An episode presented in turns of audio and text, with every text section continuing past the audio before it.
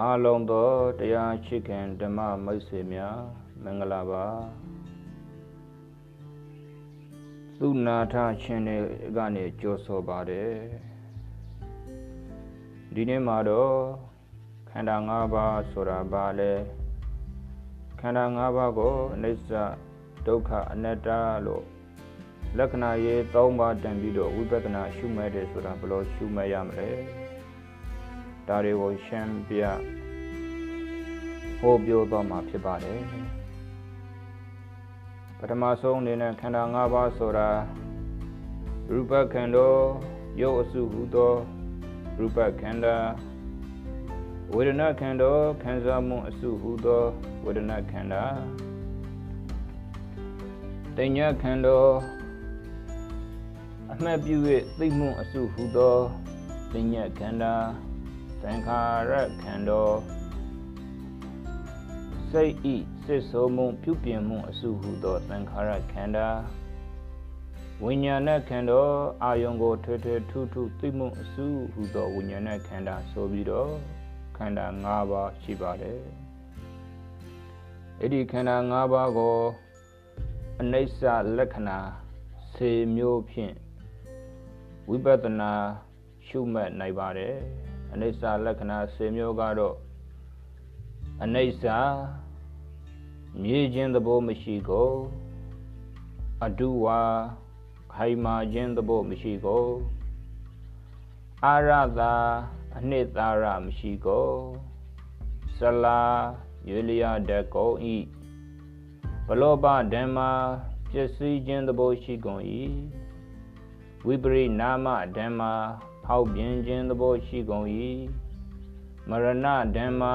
သေဆုံးခြင်းသဘောရှိကုန်၏ဝိဘဝဓမ္မာဆုံးရှုံးခြင်းသဘောရှိကုန်၏သင်္ကတာအဖန်ဖန်ပြုပြင်အပ်ကုန်၏ပပံကုနောဖျောဖျေပြိုကွေးခြင်းသဘောရှိကုန်၏ဆိုတဲ့အနိစ္စလက္ခဏာစေမျိုးဖြင့်ခန္ဓာ၅ပါးကိုရှုမဲ့ရမှာဖြစ်ပါတယ် ဒုက္ခအနေဖြင့်လည်းပဲခန္ဓာ၅ပါးကိုဝိပဿနာဘာဝနာရှုမှတ်နိုင်ပါတယ်ဒုက္ခအနေနဲ့ဒုက္ခအနေနဲ့ရှုမှတ်မယ်ဆိုရင်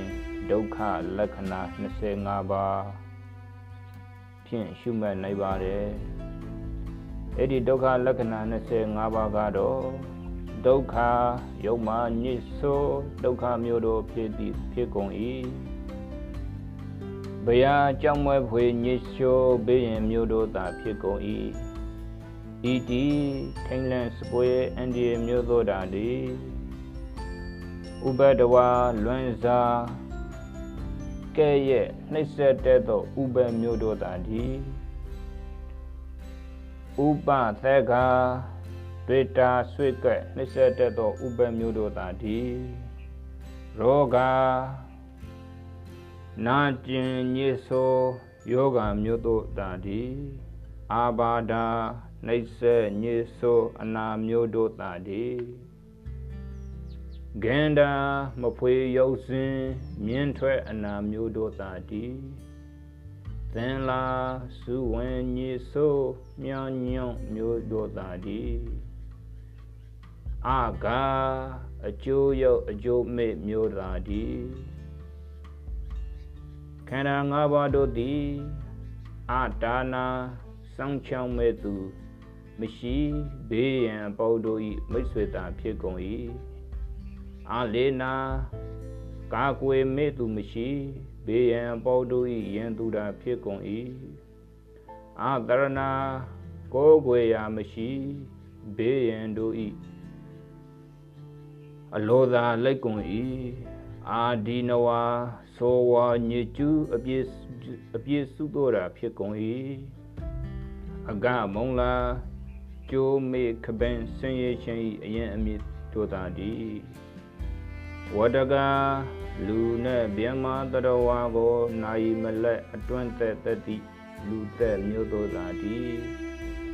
သာသဝါအာသဝတရား၄ပါးတို့၏အစီအပေါ်တို့သာသည်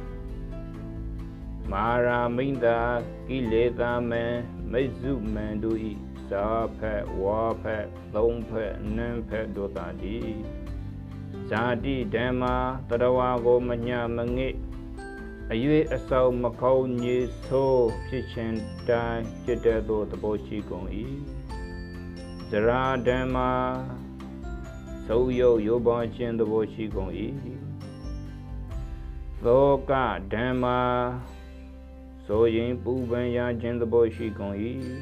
ပရိဒေဝဓမ္မာငိုကြွေးမြေတင်ရခြင်းသဘောရှိကုန်၏ဥပါယတဓမ္မာအကြည်ရှိတ်ငင်ပင်ပန်းဆင်းရဲရခြင်းသဘောရှိကုန်၏သံကိလေတိကဓမ္မာတဏှာဒိဋ္ဌိဒုစရိတဒီဟုသောညင်နွမ်းခြင်းသုံးပါးကိုစီးပွားတတ်သော ပွားစီးတတ်သောသဘောရှိကုန်၏ဤကဲ့သို့လက္ခဏာ25ပါးတို့ဖြင့်ခန္ဓာ5ပါးကိုဒုက္ခဒုက္ခဟူ၍ရှုမှတ်နိုင်ပါတယ်ထို့အပြင်ခန္ဓာ၅ပါးကိုအနတ္တဟူ၍လေရှုမှတ်နိုင်ပါတယ်အနတ္တဟူ၍ရှုမှတ်ရမှာကတော့အနတ္တလက္ခဏာ၅ပါးဖြင့်ရှုမှတ်နိုင်ပါတယ်အနတ္တလက္ခဏာ၅ပါးဆိုတာ ဤခန္ဓာ၅ပါးတို့သည်အနတ္တကိုမဟုတ်ကိုအစိုးမရကိုအလိုသောမလိုက်ကိုပရေအကျွင်းဝင်ခြင်းအမြေကင်းသောသူစိမ့်ပြင်ပတို့တန်သည်ရိတ်တာအနှစ်သာရဟုသမျှနှင့်မြုံမျှမချင်းအစဉ်တိတ် စိတ်သောတရားတို့သာသည်ဒုစရကောင်းမြတ်ရှင်သာမင်္ဂလာဒုက္ခဟုသမျှနှင့်မြုံစမနှိမ်အရှိနှိမ်သောတရားတို့သာသည်သုံးညာထောက်ရာတရားကိုယ်ွယ်ရာမျိုးတစိုးတစီမရှိလုံးလုံးအသုံးမကျသောတရားတို့သာသည်ဤကဲ့သို့ငါးပါးတို့ဖြင့်ခန္ဓာငါးပါးကိုအနတ္တဟု၍ရှုမှတ်နိုင်ပါသည်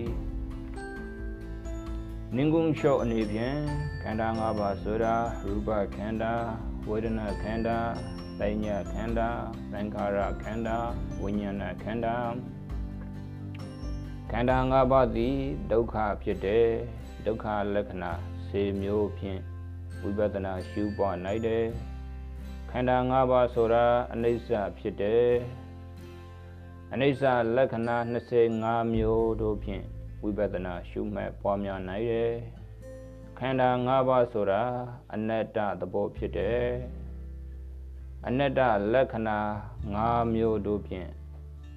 ဝိပဿနာရှုမှတ်ပွားများနိုင်တယ်စုစုပေါင်းဘာဝနာ40လို့ခေါ်ပါတယ်ဒါကြောင့်ခန္ဓာ၅ပါးကိုအနိစ္စလက္ခဏာ50ပါးဒုက္ခလက္ခဏာ25ပါး အနတ္တလက္ခဏာ5ပါးပေါက်40သော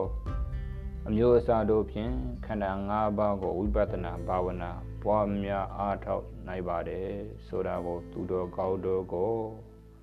တဆင့်ဟောပြော